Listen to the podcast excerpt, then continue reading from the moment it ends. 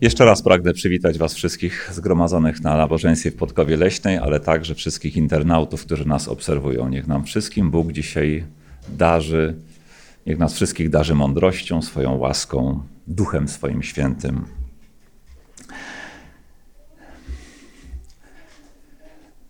Żyjemy w bardzo trudnym, chyba teraz dla naszego kraju, czasie.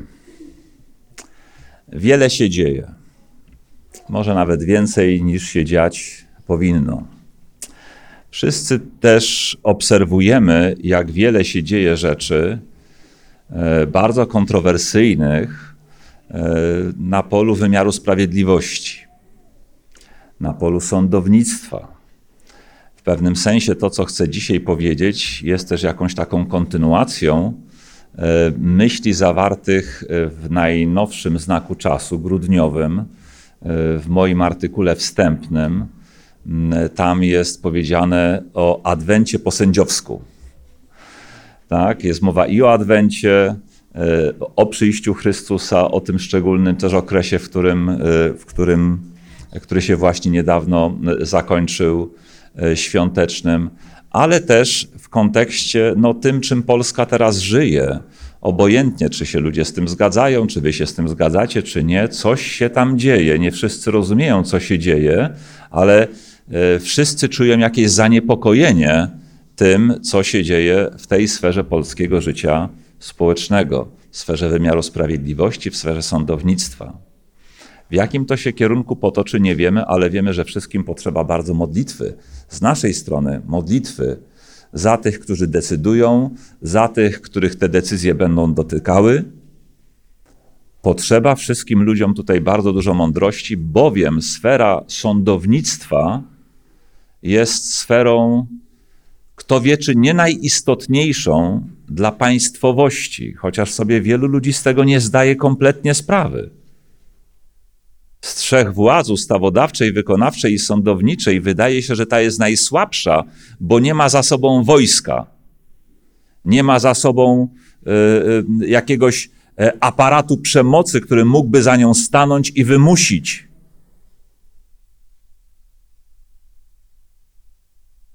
Ale jest być może właśnie dlatego tą sferą najbardziej delikatną, ale też od której zależy kto wie, czy nie kręgosłup całego państwa. I nie mam zamiaru mówić w dzisiejszym kazaniu o państwie, ani tutaj podawać recept na uzdrowienie systemu sądownictwa w Polsce, jego właściwe zreformowanie, ale chcę pokazać, jakby na tym tle ideę sądu Bożego w niebie. Bo jeśli czymkolwiek adwentyści różnią się w sposób diametralny od innych wyznań chrześcijańskich, gdy wiele naszych nauk y, jest podobnych, nawet pokrywa się z naukami innych kościołów, bo w końcu adwentyzm nie wyrósł na pustyni nie, nie został, nie był pierwszą religią świata, nie został założony przez ludzi, którzy w nic nie wierzyli i nagle Pan Bóg objawił im adwentyzm. Do niczego niepodobny, różny we wszystkim od wszystkich innych. Nie. Adwentyzm w bardzo wielu kwestiach jest podobny do innych wyznań chrześcijańskich. Bardzo wiele naszych nauk jest wspólnych z innymi naukami chrześcijańskimi. Jesteśmy kościołem chrześcijańskim. Ale jest kilka nauk, które nas wyróżniają, a jedna z nich w szczególności. Znajdziecie nawet kościoły, które e, święcą sabat. Ale nie wiem, czy znajdziecie kościół, który wierzy w to, że sąd rozpoczął się przed przyjściem Chrystusa czy że ma się rozpocząć przed przyjściem Chrystusa. Wiele kościołów wierzy w sąd, w ideę sądu ostatecznego, ale nie dostrzegają idei sądu, który my nazywamy śledczym. Ostatnio zaczęliśmy go nazywać badawczym w Polsce, a e, ja od lat nazywam go sądem przedadwentowym poprzedzającym przyjście Pana Jezusa Chrystusa. w tej kwestii się bardzo różnimy od e, innych wyznań. Ale też bardzo trudno nam innych ludzi, często bliskich nam, nasze rodziny, naszych przyjaciół, przekonać do tej idei. Bo generalnie, tak jak ludzie się boją sądów ziemskich, tak jak nie rozumieją ich znaczenia, jak nie rozumieją znaczenia wyrokowania, boją się sądów nawet nie tylko gdy idą do nich jako oskarżeni, pozwani, ale nawet gdy mają się tam stawić jako świadkowie. Jakiś lęk ich paraliżuje, bo to przecież sąd. Tak samo ludzie odczuwają jakiś wewnętrzny lęk przed w ogóle koncepcją sądu w niebie, Boga jako sędziego.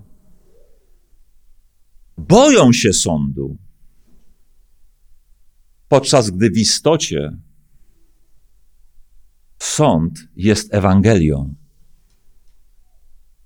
Dlatego przyglądajcie się uważnie temu, co dzieje się w naszym wymiarze sprawiedliwości. Przyglądajcie się, słuchajcie różnych głosów. Ale tylko jakby po to, niezależnie od tego, by wyrabiać sobie własny pogląd, a nie tylko to, co wam w telewizorze powiedzą, ale również po to, by na bazie tego, o czym ludzie dyskutują, na bazie tego, co jest dla nich ważne, móc od dyskusji o naszym wymiarze sprawiedliwości przejść do głoszenia im Ewangelii sądu Bożego, bo sąd Boży jest Ewangelią. Do tego będę chciał Was dzisiaj przekonać, e, oczywiście nakreślając pewną e, tę ideę adwentystycznego rozumienia sądu Bożego w różnych jej aspektach. E, bo dopiero jakby nakreślając pełni tło tej nauki, będzie można zrozumieć, dlaczego mimo wszystko nie należy się tej idei bać, ale należy z nadzieją wyglądać e, nadejścia, czy też z nadzieją wyglądać trwania tego sądu, jego też nadejścia, bo jak się dzisiaj też przekonamy, ten sąd będzie miał swoje różne kolejne fazy. A więc wychodząc od sądów ziemskich, przechodzimy do idei e, sądu Bożego i chcę też wskazać na pewne bardzo popularne błędy dotyczące kwestii sądu. Błędy, które adwentystyczne spojrzenie na sąd Boży wydaje się, że naprawia. Jeden z takich powszechnych błędów, może akurat nie w naszym kraju, e, bo w naszym kraju dominuje katolicyzm, który też ma troszkę inne spojrzenie na to niż inni chrześcijanie, niż na przykład protestanci, ale wielu protestantów, zwłaszcza ewangelikalnych, e, jakby dystansuje się od sądu w tym sensie, że jeżeli kogokolwiek on dotknie, to on dotknie tylko niesprawiedliwych, tylko niepobożnych. Właściwie to ludzie pobożni, oddani Chrystusowi, wierzący, to są ludzie, których żaden sąd nie dotknie. Którzy w ogóle osądowi nie podlegają. I tutaj nawet próbują cytować fragmenty z Ewangelii Jana z trzeciego rozdziału, tam gdzie jest mowa, że tak Bóg umiłował świat, że Syna swego jednorodzonego dał, aby każdy, kto weń wierzy, nie zginął, ale miał żywot wieczny. I tam następne wersety zaraz po tym podają taką treść, prawda, że kto wierzy w Syna Bożego, nie będzie sądzony. A kto nie wierzy, już jest osądzony. I mówią, ja wierzę, więc ja nie będę sądzony. Pytanie tylko, czy chrześcijanin może budować swoją wiedzę na temat sądu na bazie jednego być może tekstu? Czy mamy przejść do porządku dziennego nad wieloma innymi tekstami Pisma Świętego, które pokazują, że wszyscy, pobożni i niepobożni, wierzący i niewierzący, staną przed sądem Chrystusowym? Czy w drugim liście do Koryntian piąty rozdział, dziesiąty werset, nie czytamy, że wszyscy staniemy przed sądową stolicą Chrystusową? Chyba zacytowałem w starym przekładzie. Wszyscy staniemy przed sądem Chrystusowym. Wszyscy to wszyscy. To są słowa kierowane do wierzących w Koryncie, czyli wierzącym w Koryncie mówi: Wy też staniecie przed sądem Chrystusowym. Czy w innym fragmencie listu do Rzymian 14 rozdziału i tam w wersetach 10 po 12 nie czytamy: A ty czemu osądzasz swego brata? A ty czemu pogardzasz swoim bratem?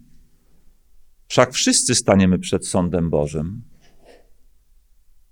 Jak napisano, jaką żyw, mówi Pan, ugnie się przede mną wszelkie kolano.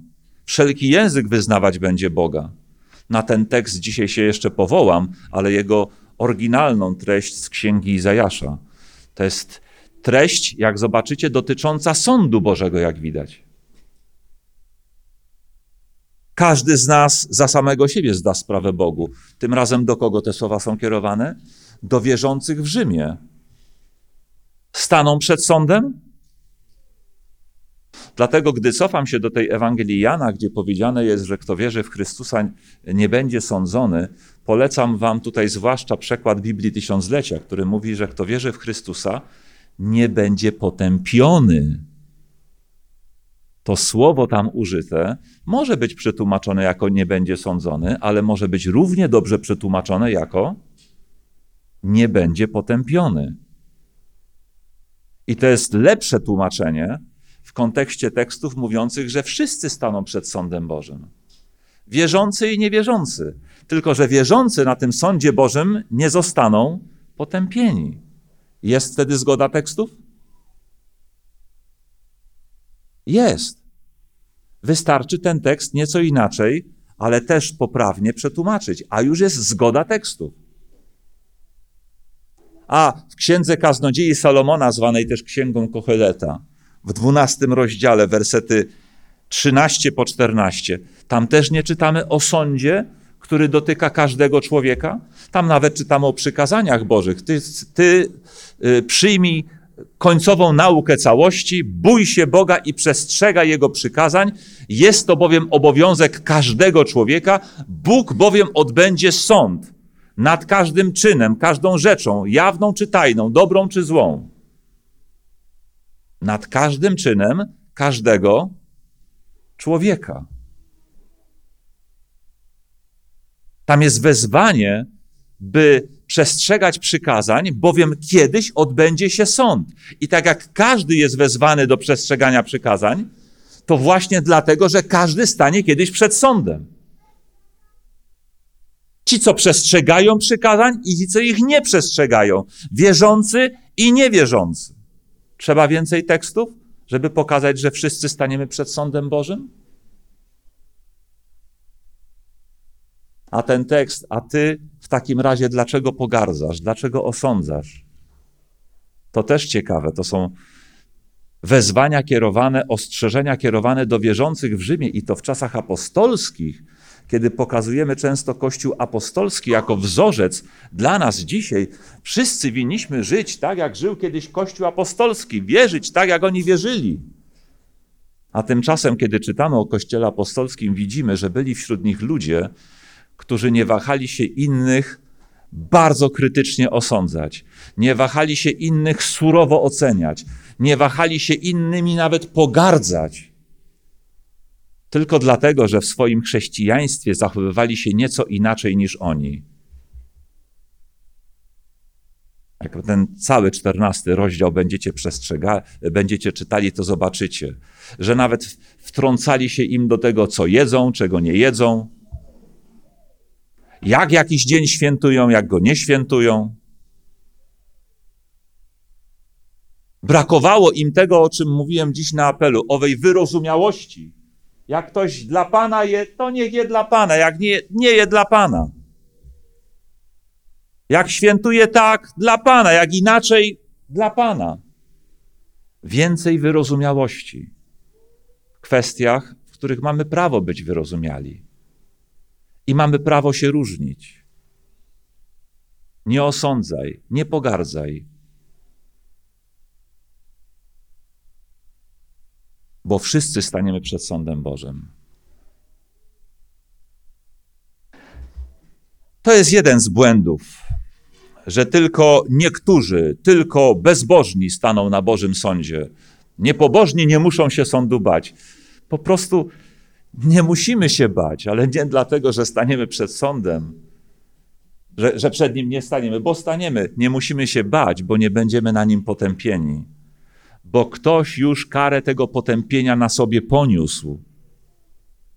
I poniósł ją Jezus Chrystus. On ją poniósł, żebyśmy my nie musieli być na sądzie karani.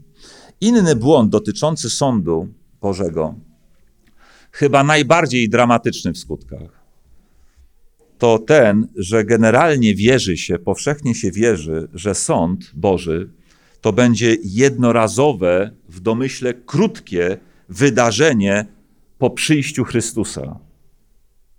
Że Chrystus powróci, rozsądzi, kto zbawiony, kto potępiony, prawda, i sprawa będzie szybko załatwiona.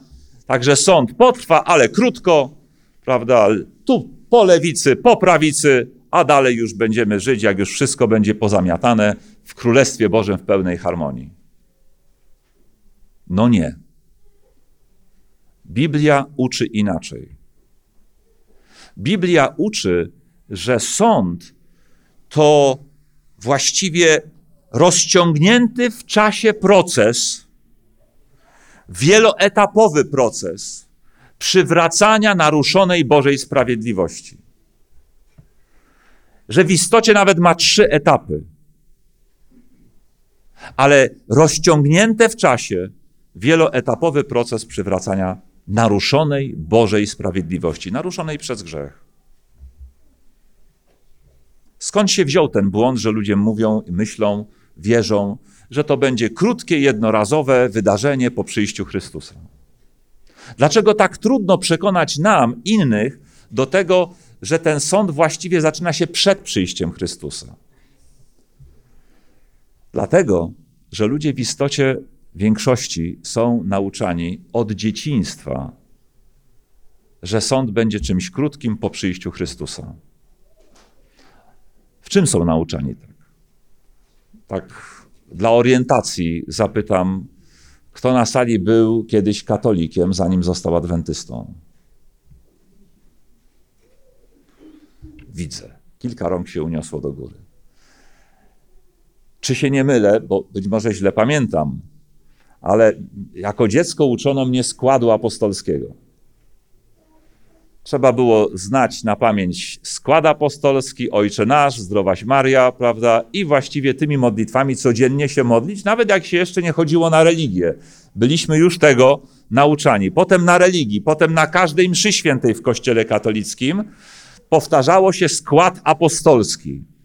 A w składzie apostolskim, czyli w tym wyznaniu wiary, były takie słowa. Stamtąd przyjdzie sądzić żywych i umarłych, a królestwu jego nie będzie końca. Tak? Stamtąd przyjdzie sądzić żywych i umarłych. Czyli jaka jest sekwencja wydarzeń w tym składzie apostolskim, który każdy katolik od maleńkości uczy się na pamięć, nawet jak jeszcze nie potrafi rozumować samemu, jakiej sekwencji się uczy że najpierw przyjdzie, a potem będzie sądził. Najpierw przyjście, potem sąd. Tak? A tymczasem Biblia uczy innej sekwencji. Najpierw sąd, potem przyjście. Najpierw sąd, potem przyjście. I ja wcale nie mam zamiaru tutaj teraz, e, bo nawet kazanie nie jest miejscem na to, by e, tu wyliczać e, początek tego sądu, prawda, co też jest charakterystyczne dla adwentyzmu. Że pewne proroctwa nawet pozwoliły nam tutaj wskazać, kiedy ten sąd się zaczął, ale nawet nie próbujcie nikomu tego nigdy tak udowadniać, jeśli najpierw nie przekonacie kogoś do idei, że jest najpierw sąd, potem przyjście Chrystusa. Do tej ogólnej, generalnej idei. Wyliczania zostawcie sobie potem na potem, kiedy ktoś zaakceptuje tę generalną myśl. A skąd ta generalna myśl wynika? Choćby z księgi Apokalipsy, z 14 rozdziału. Z 14 rozdziału.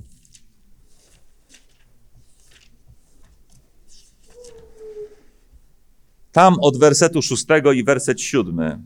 I widziałem innego anioła lecącego przez środek nieba, który miał Ewangelię wieczną, by ją zwiastować wszystkim mieszkańcom ziemi i wszystkim narodom, plemionom, językom, ludom, którym mówił donośnym głosem. Bójcie się Boga i oddajcie Mu chwałę, gdyż nadeszła godzina sądu. Sądu Jego. Oddajcie pokłon temu, który stworzył niebo, ziemię, morze i źródła wód.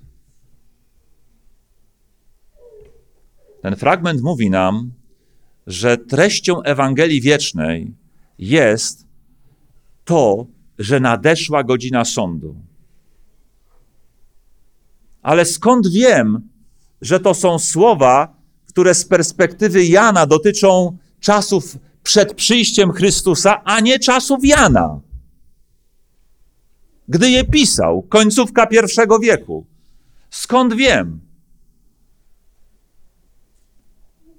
Wiem chociażby dlatego, że zaraz następna wizja, po wizji trzech aniołów, gdzie pierwszy głosi Ewangelię wieczną, a jej treścią, że nadeszła godzina sądu, to następna wizja to jest wizja żniwa i winobrania, gdzie od 14 wersetu czytamy, że widzimy kogoś podobnego do syna człowieczego na obłokach, mającego złotą koronę, ostry sierp, i tam jest wezwanie, że dojrzało żniwo ziemi i obraz, że ziemia została zrzęta. W Ewangeliach znajdziecie jedną z przypowieści o y, sianiu pszenicy i konkolu, i tam jest powiedziane, żeby czekać, ze, czekać z zebraniem ich razem aż do żniwa, a gdy uczniowie nie wiedzieli, o co chodzi w tej przypowieści, Chrystus wyjaśnił im, kto to są żeńcy, że to aniołowie, tak, co to jest pszenica, konkol, a na końcu powiedział, a żniwo to koniec świata. Innymi słowy, wizja, opis żniwa i winobrania w Apokalipsie od 14 rozdziału i 14 wersetu. To jest to obraz czego? Końca świata. Co go poprzedza? Poprzedza, nie, poprzedza go wizja głoszenia Ewangelii wszystkim ludom, plemionom, narodom i językom. I treścią tej Ewangelii jest, że nadeszła godzina sądu. Innymi słowy, ta godzina sądu miała nadejść przed przyjściem Chrystusa, przed końcem świata. Nie po, przed, już przed. Ta wizja była zapisana w czasach Jana, ale nie dotyczyła czasów Jana. Dotyczyła czasów przed żniwem ziemi. Przed końcem świata. Jaki mamy jeszcze na to dowód? Że ta wizja z 14 rozdziału pierwszego anioła, szósty, siódmy werset, właśnie tego dotyczy? Przecież to jest niemal identyczne do opisu z 24 rozdziału Mateusza, gdzie czytamy o znakach końca świata, gdzie Jezus pokazuje, a właściwie oni Jezusowi, uczniowie, pokazali świątynię, jaka piękna, wspaniała, a on powiedział, że nie zostanie z niej kamień na kamieniu. A oni, wzburzeni, zaniepokojeni takim proroctwem, powiedzieli mu: Powiedz nam, kiedy to się stanie, jaki będzie znak Twego przyjścia i końca świata. I Pan Jezus wymienił szereg znaków, tak? Znaków, które miały poprzedzać koniec świata i Jego przyjście. I wśród tych znaków jest, w czternastym bodaj wersecie, taki fragment. I będzie głoszona ta Ewangelia o Królestwie na świadectwo wszystkim narodom i wtedy nadejdzie koniec. Jest tam tak napisane? Tak? Będzie głoszona ta Ewangelia na świadectwo wszystkim narodom i wtedy nadejdzie koniec. Czy nie macie tu dokładnie takiego samego obrazu, takiej samej sekwencji w Apokalipsie? Szósty, siódmy werset. Ewangelia, głoszenie Ewangelii wszystkim narodom, plemionom, językom, ludom. I następna wizja, żniwo ziemi, czyli koniec świata. Widzicie, że to jest mowa o tym samym? To jest ta Ewangelia o Królestwie, która jest jeszcze bardziej sprecyzowana, by powiedzieć, że jest to Ewangelia, o, że jest to też Ewangelia o sądzie Bożym. Między innymi, bo tam parę elementów jest podanych. Już tutaj też widzimy nie tylko to, że sąd ma się zacząć, miał się zacząć przed przyjściem Chrystusa, ale też, że jest dobrą nowiną. Że jest dobrą nowiną. Sąd, już abstrahując od tego, który etap, pierwszy, przedadwentowy, przed przyjściem Chrystusa, czy ten, yy, czy ten po przyjściu Chrystusa, czy ten ostateczny, o którym jeszcze powiemy, nieważne, która faza, całość jest dobrą nowiną, dlatego, że jak choćby też Księga Apokalipsy w rozdziale szóstym, w wersecie dziesiątym, czytamy o duszach zabitych pod ołtarzem, które wołały: Kiedyż, Panie święty i prawdziwy, rozpoczniesz sąd i pomścisz krew naszą na mieszkańcach ziemi? Sąd jest Ewangelią również dlatego, że jest nadzieją dla milionów ludzi, którzy zostali pozbawieni życia i niczym sobie na to nie zasłużyli. Którym odebrano życie, które mogło trwać. Którzy doznali mnóstwa niesprawiedliwości od ludzi, łącznie z odebraniem im życia, a wcześniej godności, a wcześniej wszystkiego, co mieli. Odebraniem tego, co dla nich najdroższe. I gdy schodzili z tego świata w poczuciu, nie wiem, jakiegoś absolutnego strachu, lęku, a ci, którzy im tego dokonali, nigdy nie doświadczyli nawet ludzkiej sprawiedliwości. I tak sobie myślę, jakimż niebem miałoby być to niebo, gdyby Boża sprawiedliwość nie wyrównała rachunków. Gdyby Boża sprawiedliwość miała nie wyrównać rachunków. Czy zbawieni mogliby się cieszyć zbawieniem? Czy zabici bez żadnej winy mogliby się cieszyć życiem wiecznym, gdyby ich oprawców miała nie dosięgnąć, jeśli nie ludzka, to boska kara. Sąd Boży jest nadzieją i Ewangelią, że sprawiedliwości w końcu stanie się zadość. Że ten świat, który tego wcale nie gwarantuje i często zbrodniarzy wywyższa,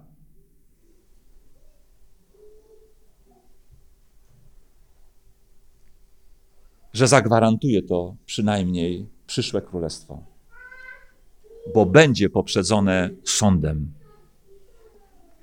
Chwała Bogu za to, chwała Bogu za to, że kiedyś czas przywrócenia sprawiedliwości nadejdzie, a właściwie, że już trwa, bo sąd ma się zacząć przed przyjściem Chrystusa. Wskazuje na to Księga Apokalipsy, 14 rozdział, ale wskazuje na to również w bardzo wyraźny sposób, najwyraźniejszy z możliwych. Siódmy rozdział Księgi Daniela. W tym rozdziale, którego oczywiście w tej chwili nie mam zamiaru studiować w całości, zwrócę tylko uwagę na to, że jest tam pewna wizja czterech zwierząt wychodzących z wielkiego morza, gdy jest wzburzone. Ta wizja jest paralelna do wizji z drugiego rozdziału, gdzie były gdzie był posąg z czterech różnych metali stworzony. E, I też był on obrazem przyszłości, tak jak ta wizja o zwierzętach wychodzących po kolei z morza, też jest obrazem przyszłości. Od czasów proroka Daniela, od VI wieku przed naszą erą, aż do czasów ustanowienia Królestwa Bożego. Obie te wizje się tym kończą. Czy to drugi rozdział, czy siódmy rozdział, kończą się ustanowieniem Królestwa Bożego. Ale oczywiście poprzedzonego pojawieniem się kolejnych imperiów, bo czy to te metale w posągu poszczególne, czy te zwierzęta, to są kolejne imperia światowe, pewne najważniejsze z perspektywy długiej historii świata.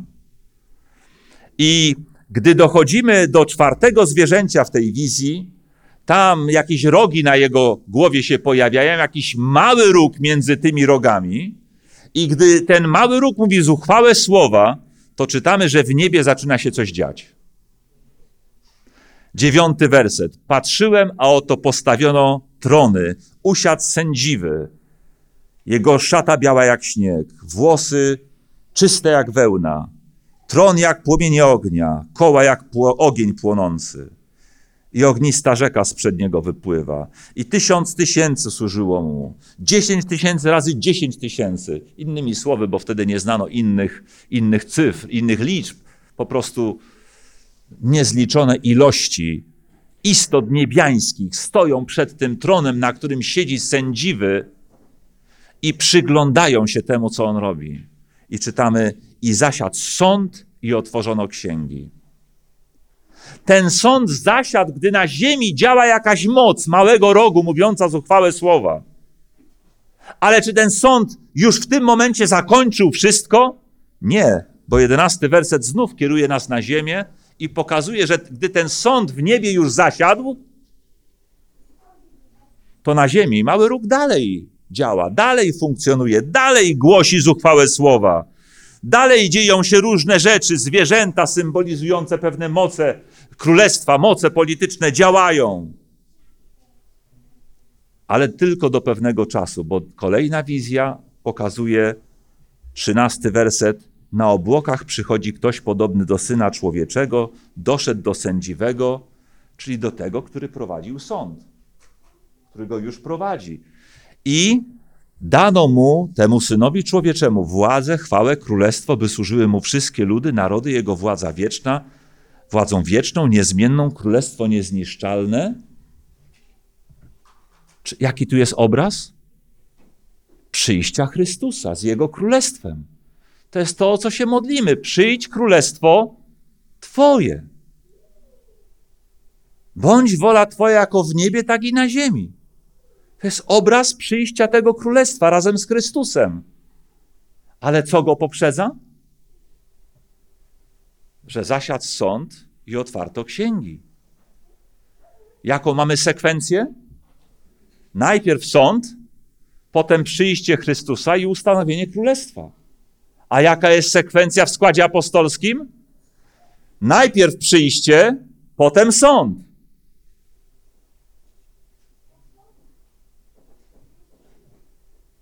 A tu jest inna. I żeby tylko raz podana, ona tu jest trzy razy podana ta sekwencja. Bo potem w wyjaśnieniach anielskich do tego, do tego widzenia czytamy werset 21, 22. A gdy patrzyłem, wtedy wróg prowadził wojnę ze świętymi, przemógł ich, aż przed sędziwy odbył się sąd i prawo zostało przyznane świętym Najwyższego i nadszedł czas, że święci otrzymali królestwo. O czym tu czytamy? Jaka sekwencja jest? Znowu, Najpierw sąd, potem królestwo. Najpierw sąd, potem królestwo. Najpierw sąd, potem przyjście Chrystusa i Królestwo Boże. A w składzie apostolskim? Najpierw przyjście Chrystusa, potem sąd. Ale co ciekawe w tym fragmencie, to kolejny element Ewangelii Sądu. A mianowicie, że pewnym finalnym orzeczeniem tego sądu, co ma być? Prawo zostanie przyznane świętym Najwyższego. I otrzymają królestwo. To królestwo to jakby odszkodowanie. za wszystkie krzywdy, których tutaj doznali.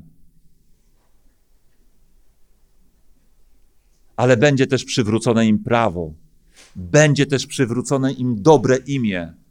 Ci pogardzani przez innych, ci wyszydzani za ich wiarę, ci, którym bez zdania racji odebrano co wszystko, co najcenniejsze życie, godność, zostanie im to wszystko przywrócone. Prawo będzie im przyznane. Racja będzie im przyznana. Nadejdzie taki czas. Trzymajmy się tego czasu jak naszej nadziei, jak dobrej nowiny. Krzywdy nasze będą nagrodzone, rachunki wyrównane, sprawiedliwość przywrócona.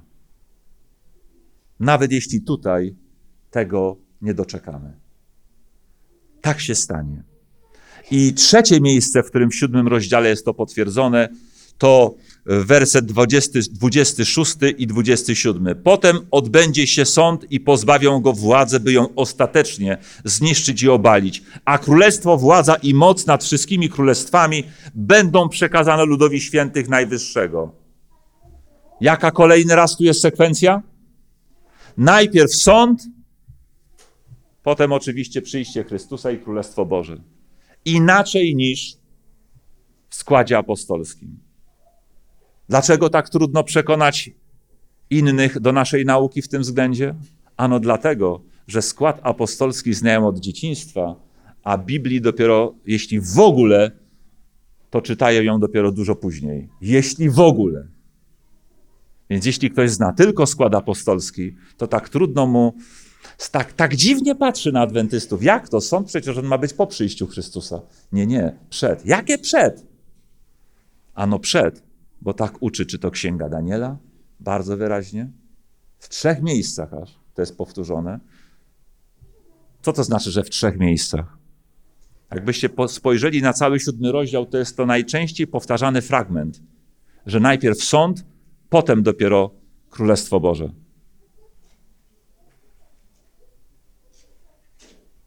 Żeby podkreślić jego znaczenie. W tym 24 rozdziale Mateusza, wiecie, jaki znak jest najczęściej powtarzany? Że będzie głoszona Ewangelia wszystkim ludziom, jest raz powiedziane. Że będą wojny, jest powiedziane raz. Że będą głody, jest powiedziane raz. A wiecie, co się trzy razy powtarza?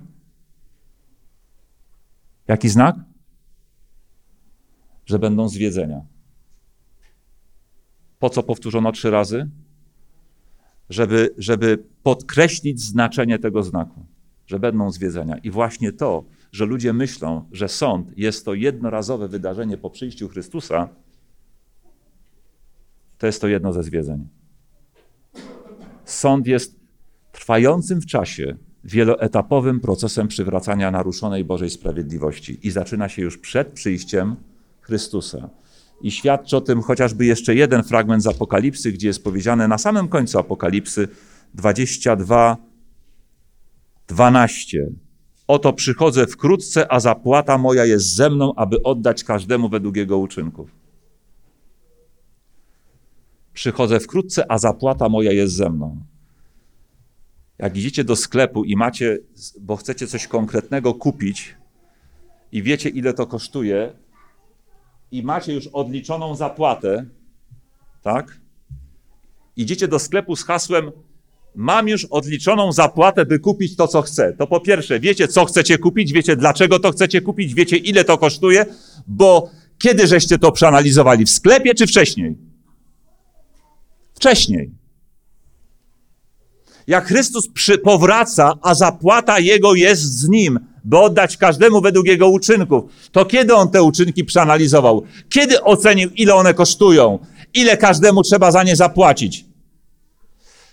Po przyjściu czy wcześniej? No wcześniej.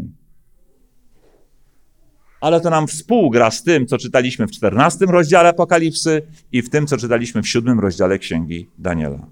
A więc widzimy wyraźnie, że sąd to nie jest jednorazowe, krótkie wydarzenie po przyjściu Chrystusa, rozdzielające jednych na prawicę, lewicę, ale wydarzenie, które rozpocznie się przed przyjściem Chrystusa. Jak ktoś tej nauki nie zaakceptuje, to nawet nie próbujcie mu wyliczać, kiedy to się zaczęło. Bo to bez sensu jest. Nie wyliczenie, tylko próbowanie wyliczenia komuś, kto nie akceptuje, próbowanie nauczenia kogoś szczegółów, jeśli on nawet ogółu nie jest w stanie zaakceptować. Powiedziałbym bardziej prosto: nie stawiajcie e, e, wozu przed koniem. Tak? Właściwie kto będzie na tym sądzie przedadwentowym sądził? Tam jest powiedziane, na tronie zasiadł sędziwy, tak? I otworzono księgi. Ale tak naprawdę, czy Bogu potrzebne są księgi, żeby sądzić? Czy Bóg, który Pismo Święte mówi o nim, jest wszechwiedzący, w ogóle potrzebuje sobie coś zapisywać, żeby pamiętać? No bo księgi się generalnie po to zapisuje, żeby sobie w nich coś przypomnieć. Ja właściwie nie ruszam się z domu, nawet po domu chodzę z notesem. Cokolwiek gdzieś przeczytam wartego zapamiętania, zaraz sobie zapisuję, choćby gdzie mogę to znaleźć. Cokolwiek żona mi zwłaszcza powie, też sobie zapisuję. Że mam coś tam kupić, załatwić coś, bo wiem, że jak sobie tego nie zapiszę w tej chwili, to może nawet za godzinę już nie będę pamiętał. Bo jesteśmy niedoskonali. Ale doskonały Bóg, czy potrzebuje ksiąg, zapisów, żeby wiedzieć, żeby w ogóle wiedzieć, co się komu należy? On nie. Czyli dla kogo tak naprawdę jest to, że na tym sądzie otwiera, otwierają księgi? Zasiadł sąd i otworzono księgi. Dla tych wspomnianych tam tysięcy, tysięcy, dziesięciu tysięcy razy dziesięć tysięcy istot niebiańskich, które patrzą w te księgi, by ocenić, czy ci, których Chrystus ma zamiar wziąć z tej ziemi do nieba, do tego nieba się rzeczywiście nadają. To chodzi o to, żeby rozwiać ich wątpliwości. Bóg nie potrzebuje sądu. Tego sądu potrzebują niebiańskie istoty, bo w końcu mają w bezgrzesznym świecie, w nieskażonym świecie przyjąć tych, którzy przyjdą tam z jakiego świata? Skażonego i grzesznego. To tak, jakbyście chcieli zaadaptować, zaadoptować dziecko z domu dziecka, które było chore na AIDS, mając, wiele, mając w domu gromadkę dzieci absolutnie zdrowych. Nie chcielibyście mieć pewności, że dziecko jest należycie zabezpieczone? Albo że dziecko chorowało na jakąś bardzo groźną, śmiertelną chorobę, ale wyzdrowiało. Nie chcielibyście poznać karty jego choroby, że naprawdę wyzdrowiało, że ta adopcja niczemu nie zagrozi waszym dzieciom? Ja wiem, to nie może są, nie są doskonałe przykłady, ale myślę, że istoty niebiańskie po to będą na tym sądzie obecne, po to są na nim obecne przed przyjściem Chrystusa, po to są otwarte przed nimi księgi, żeby było wiadomo, kto ma być zbawiony, kto nie, żeby były przekonane, że Bóg nie podejmuje żadnej błędnej decyzji. Nie na zasadzie, że Bóg powie: Ja wiem, kto ma być zbawiony, a wam, a wam nic do tego. Ja wiem. Waszą rolą jest mi wierzyć na słowo. Patrzcie, Bóg, który mógłby tego wymagać, jednak pomimo tego mówi: chodźcie, chodźcie, okej, okay, Popatrzcie w księgi. Sami ocencie. Czy, on, czy to są naprawdę nawróceni, czy tylko na pozór nawróceni? Czy oni się nadają do nieba, czy się nie nadają? Czy im się należy, czy im się nie należy? Sami ocencie. W istocie więc to te istoty potrzebują tego sądu, istoty niebiańskie, żeby wiedzieć, że sprawiedliwi słusznie dostaną się do nieba, a nadto jeszcze jest to sąd im potrzebny po to, by wiedzieć, to spojrzenie w te księgi, że Boża wola by pewnych ludzi zbawić, a innych nie, że Bóg w tej Bożej woli też się nie myli. Bo z tych ksiąg wynika, że Bóg ma rację. Jednych do nieba przyjmując, innych nie. Jednym dając zbawienie, innym nie. To jest więc dla nich bardzo ważne. A potem przychodzi ta druga faza sądu, opisana w księdze Apokalipsy.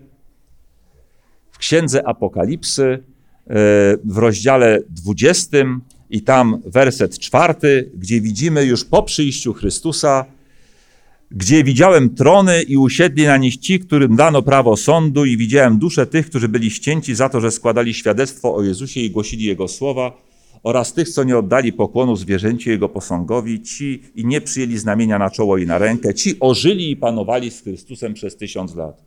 Widzimy tu kolejną fazę sądu. Sądu tysiącletniego. Mamy panowanie zbawionych tysiącletnie w niebie, ale też czytamy, że tam panują, siedząc na tronach i jednocześnie mając prawo sądu. Fazie tej pierwszej przed przyjściem Chrystusa, to oni byli jakby osądzani. To istoty niebiańskie rozważały, czy zbawionym należy się niebo, czy nie. Ale kiedy już zbawieni się w nim znajdą po przyjściu Chrystusa, teraz oni zasiadają na tronach mając prawo sądu, które wcześniej miały istoty niebiańskie. I teraz oni sądzą. Kogo? Rąbka tajemnicy uchyla nam chociażby, yy, chociażby dru- pierwszy list do Koryntian, rozdział szósty, werset drugi i, yy, i trzeci. Pierwszy do Koryntian, rozdział szósty, werset drugi i trzeci.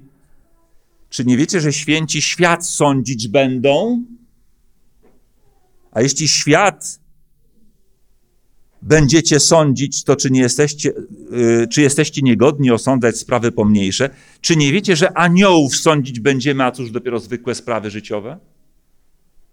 Aniołów i świat będą sądzić zbawieni w niebie. W tym drugim etapie. W pierwszym najpierw aniołowie istoty niebiańskie spoglądały w księgi, niebie, w księgi, w zapisy, a teraz zbawieni spoglądają w te same księgi i teraz oni będą oceniać. Dlaczego myśmy się tu znaleźli? Dlaczego nie ma tu paru pastorów? Paru wielkich przywódców religijnych? Dlaczego są tu ludzie, których się nie spodziewaliśmy spotkać w takim miejscu, w gronie zbawionych?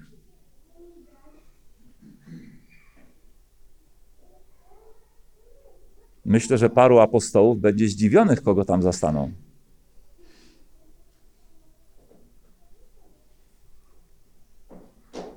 Apostoł Paweł, albo inaczej, paru męczenników będzie zdziwionych, kogo tam zastaną. Szczepan, że zastanie tam apostoła Pawła, którego pamiętał w ostatnich chwilach swego ziemskiego życia jako krzyczącego, podającego kamienie, pilnującego szat jego zabójców. To będzie czas odpowiadania na te pytania. Dlaczego są tu ludzie, których się nie spodziewałem zastać? Dlaczego ja tu jestem? Dlaczego pewne, pewni aniołowie upadli, chociaż żyli blisko Boga? To będą oceniać sprawiedliwi. I kolejny raz będą niby oceniać świat i aniołów, a tak naprawdę będą kogo oceniać? Czy Pan Bóg się aby nie pomylił? I gdzie znajdą odpowiedzi? W księgach.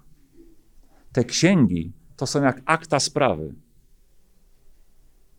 Gdy patrzymy na proces wymiaru sprawiedliwości, ten Boży, to w istocie rzeczy on nie odbiega za wiele od tego ziemskiego, gdzie też mamy, jak będzie przestępstwo, to co się wszczyna?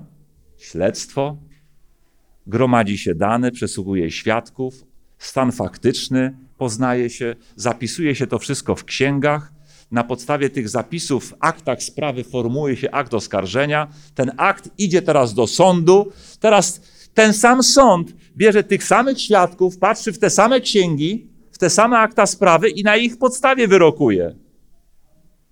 I ktoś, i przychodzi trzecia fala, faza przywracania sprawiedliwości, wykonania wyroku. A gdy jakiś y, skazaniec być może chce wyjść wcześniej i prosi, żeby wyjść wcześniej, to kogo prosi? Sąd, tyle że teraz penitencjarny. I ten sąd znowu bada te same akta sprawy.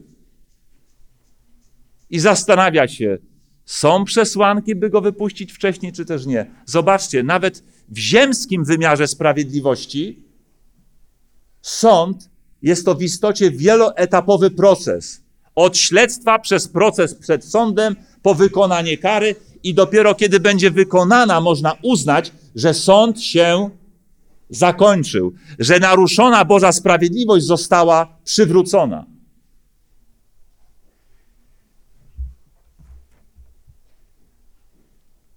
I tak będzie też i z tym sądem Bożym.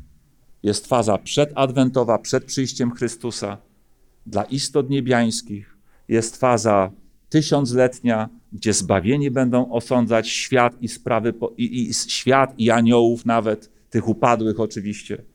I jest też ostatnia faza, chyba najbardziej kontrowersyjna. Bo o ile wszyscy myślą sobie, no tak, sąd ostateczny to, prawda, trzeba ostatecznie się rozprawić ze złem, tak, ono temu służy, ten sąd, ta faza temu służy, ale tam dochodzi do pewnej rzeczy, której nawet adwentyści nie rozumieją. A mianowicie dochodzi do zmartwychwstania niesprawiedliwych. Tylko po to, by stanęli na sądzie, tylko po to, by za chwilę ponieść ostateczną karę jeziora ognia i siarki, drugiej śmierci. I wielu adwentystów się zastanawia, jaki jest sens zmartwychwzbudzać niesprawiedliwych, którzy już i tak nie żyją, przywracać ich na chwilę do życia, by postawić ich na sąd, który skaże ich na, z powrotem na śmierć. Nie zastanawialiście się nad tym? Nad sensem? Wielu ludzi myśli sobie, czy to nie nadmierne okrucieństwo, niepotrzebne? Zmartwychwzbudzić, a więc jakby wzbudzić na nowo nadzieję na życie, by za chwilę je odebrać? No, czytamy o tym zmartwychwzbudzeniu. Znowu 20 rozdział Apokalipsy. I tam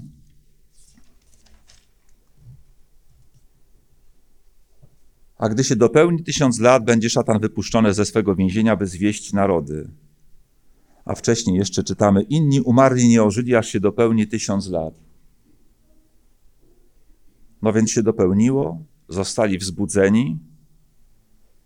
Ci inni umarli to inni niż sprawiedliwi, inni niż pobożni, inni niż święci, czyli nieświęci, niepobożni, niesprawiedliwi.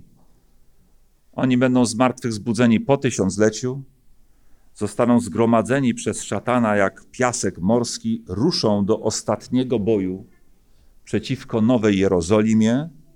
I tam czytamy, że gdy otoczą obóz świętych, miasto umiłowane, spadnie na nich ogień z nieba i ich pochłonie. Ale zanim to nastąpi, jedenasty werset mówi, co się stanie tam pod murami Nowej Jerozolimy, z tymi chwilę wcześniej wzbudzonymi niesprawiedliwymi. Widziałem wielki biały tron, tego, który na nim siedzi, którego przed obliczem pierzchła ziemia, niebo, miejsca dla nich nie było. Widziałem umarłych, wielkich, małych, stojących przed tronem.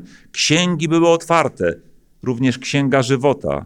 I osądzeni zostali umarli na podstawie tego, co było z ich uczynkami napisane w księgach. I morze wydało umarłych, którzy w nim byli. Również śmierć i piekło wydały umarłych, którzy byli w nich i byli osądzeni każdy według swego uczynku i śmierć i piekło zostały wrzucone do jeziora ognia, a owo jezioro to druga śmierć. Kto nie był zapisany w księdze żywota, został wrzucony do jeziora ognistego. Mamy tu wizję sądu ostatecznego. Ostatecznego domknięcia sprawy grzechu, gdzie sprawca grzechu Jego naśladowcy, ci, którzy nigdy nie żałowali za swoje grzechy albo nie żałowali dostatecznie, zostaną ostatecznie unicestwieni.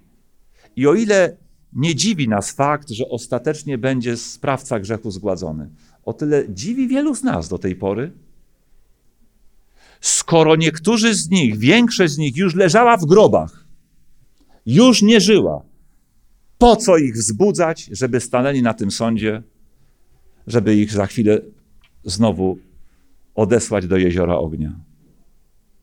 Wiecie po co? Bo sama odpowiedź, żeby stanęli na sądzie, jest, wydaje się, niewystarczająca. Pytanie, czemu Bogu zależy na tym, żeby nawet oni stanęli na sądzie?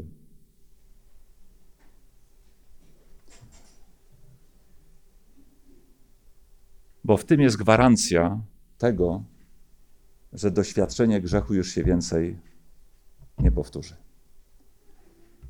Od tego, czy ci ludzie staną na sądzie, będzie zależała przyszłość owego królestwa i tego, że przywrócona Boża harmonia we wszechświecie już nigdy nie zostanie naruszona. Księga Izajasza w rozdziale 20, w rozdziale 40, i to jeden z ostatnich tekstów, Księga Izajasza w rozdziale e, 45 i w wersecie 25 mówi nam, że nadejdzie taki czas. Izajasz, 45 rozdział. Właściwie od 23 czytam. Przysiągłem na siebie, z moich ust wyszła prawda, słowo niezmienne, że przede mną będzie się zginać wszelkie kolano i będzie przysięgał wszelki język, mówiąc: Jedynie w Panu jest zbawienie i moc. Do niego przyjdą ze wstydem wszyscy, którzy się na niego gniewali. Czy podobny tekst czytaliśmy już dzisiaj? Czy podobny tekst czytaliśmy już dzisiaj? Czytaliśmy w czternastym rozdziale listu do Rzymian. Tam od dziesiątego wersetu poczynając. Tam była zapowiedź sądu, na którym wszyscy staniemy, w kontekście tych właśnie słów z księgi Izajasza, czyli to jest wizja sądu. A której jego fazy? Pierwszej, na której będą tylko istoty niebiańskie, drugiej, na której będą tylko sprawiedliwi, czy trzeciej, na której będą wszyscy istoty niebiańskie, zbawieni i niepobożni. To jest wizja tej trzeciej fazy sądu, ostatecznej z ostatecznych. Bo czytamy, że przede mną zegnie się wszelkie kolano. Nawet kolano czyje? Nawet tych, którzy się na niego gniewali. Nawet tych, którzy mieli przez całe życie do Boga jakieś pretensje. Nawet tych, którzy w niego nie wierzyli. Którzy buntowali się przeciwko niemu. Oddane wszystko tu słowami nawet tych, którzy się na niego gniewali. Ze wstydem, ale przed nim staną, ze wstydem, ale przed nim ugną kolano. Będzie taki czas. Tylko ci zbawieni będą uginać te kolana w Nowej Jerozolimie, a tamci, cała reszta, pod murami Nowej Jerozolimy. Gdy ich uczynki wyświetlą się być może na jej błyszczących ścianach gdy księgi zostaną otwarte i pokażą im, jakimi uczynkami zapierali się Boga. I wtedy ogarnie ich wstyd. I wtedy upadną. I wtedy przyznają Bogu rację, że to myśmy się mylili. I ta racja jest Bogu potrzebna, żeby publicznie przed nie tylko sobą samymi, nie tylko, że przed Nim, bo On i tak wie, że ma rację, nie tylko przed zbawionymi, ale żeby przed całym wszechświatem, wszystkimi istotami niebiańskimi, które będą patrzeć na to, żeby ci, co się przeciwko Bogu buntowali, powiedzieli: Bóg ma rację, to my się myliliśmy. Wiecie, co zamyka każdy proces? Niejako momentalnie, kiedy przeciwnik procesowy w sądzie przyzna nam rację. Kiedy już nie musimy się e, z nim siłować na argumenty. Kiedy nie musimy czekać, siłując się na argumenty do ostatniego momentu, aż to sędzia zdecyduje. Kiedy czasem się tak zdarza w trakcie procesu, czy to karnego, czy cywilnego, że przeciwnik procesowy przyznaje nam rację. I to może być ten przełomowy moment każdego procesu, gdzie jeśli prokurator weźmie świadka oskarżenia, a świadek oskarżenia zamiast świadczyć przeciwko oskarżonemu, zaczyna świadczyć na korzyść oskarżonego, to często to zamyka proces. Kiedy ten, który mnie o coś pozywa, mówi przed sądem, tak naprawdę to wycofuje mój pozew. Nie, to za, za daleko się posunąłem. To jednak mój przeciwnik ma rację. Wiecie, bo to, że zbawieni powiedzą, że Pan Bóg ma rację, to, że istoty niebiańskie, które nigdy nie zgrzeszyły, powiedzą: Pan Bóg ma rację. Czy to ma taką moc przekonującą innych?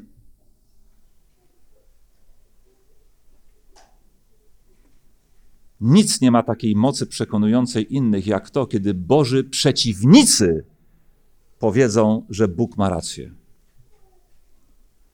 I to dopiero nam zabezpieczy wszechświat, przyszłe królestwo przed powtórzeniem się grzechu. Bo moi drodzy, czy grzech się nie powtórzy, dlatego że Pan Bóg wszystkim zbawionym wyłączy w mózgach opcję grzeszenia? Odbierze nam wolność grzeszenia? Królestwo Boże czym by było, gdyby miało polegać na tym, że Pan Bóg po prostu taką opcję nam wyjmie z mózgu? Zmieni kod, zaprogramuje nas na niegrzeszenie. Będziemy wolnymi istotami? Nie. Pan Bóg musi znaleźć inny sposób.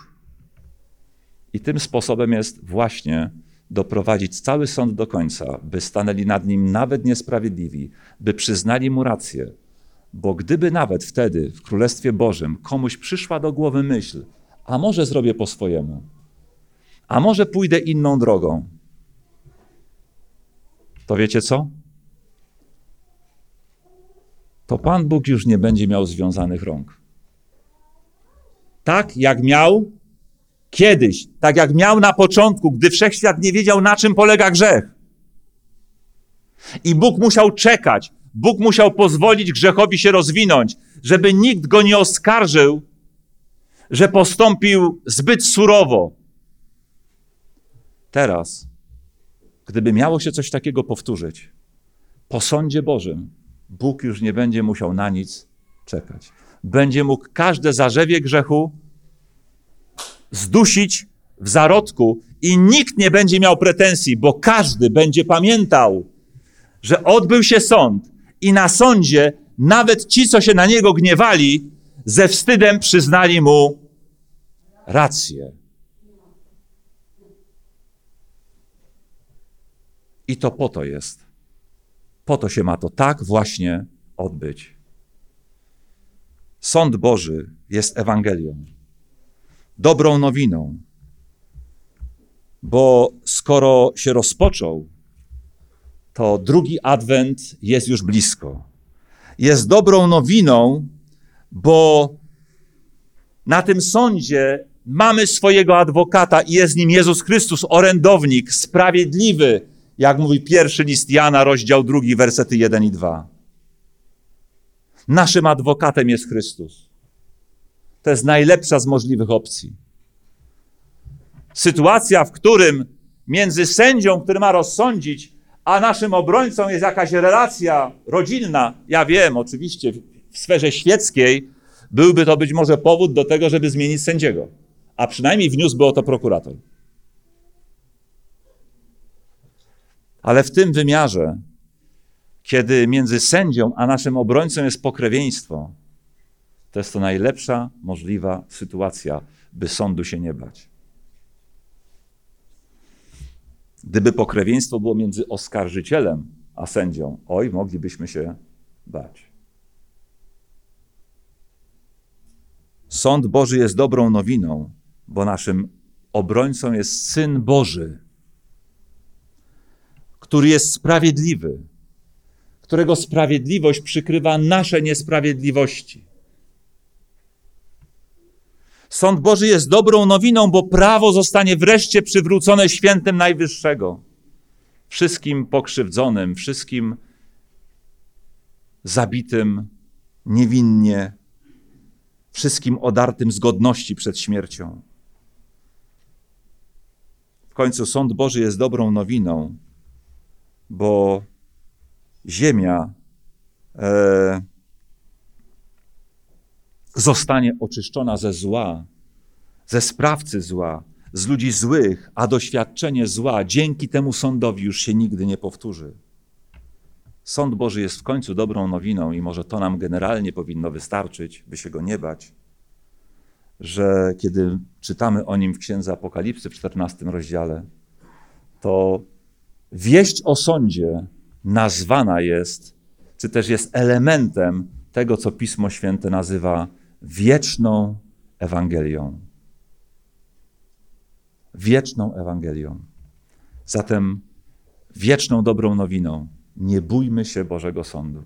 Oczekujmy na Niego z nadzieją, ale też dzisiaj żyjmy ze świadomością, że być może w tej chwili i nasze sprawy na tym sądzie są oceniane.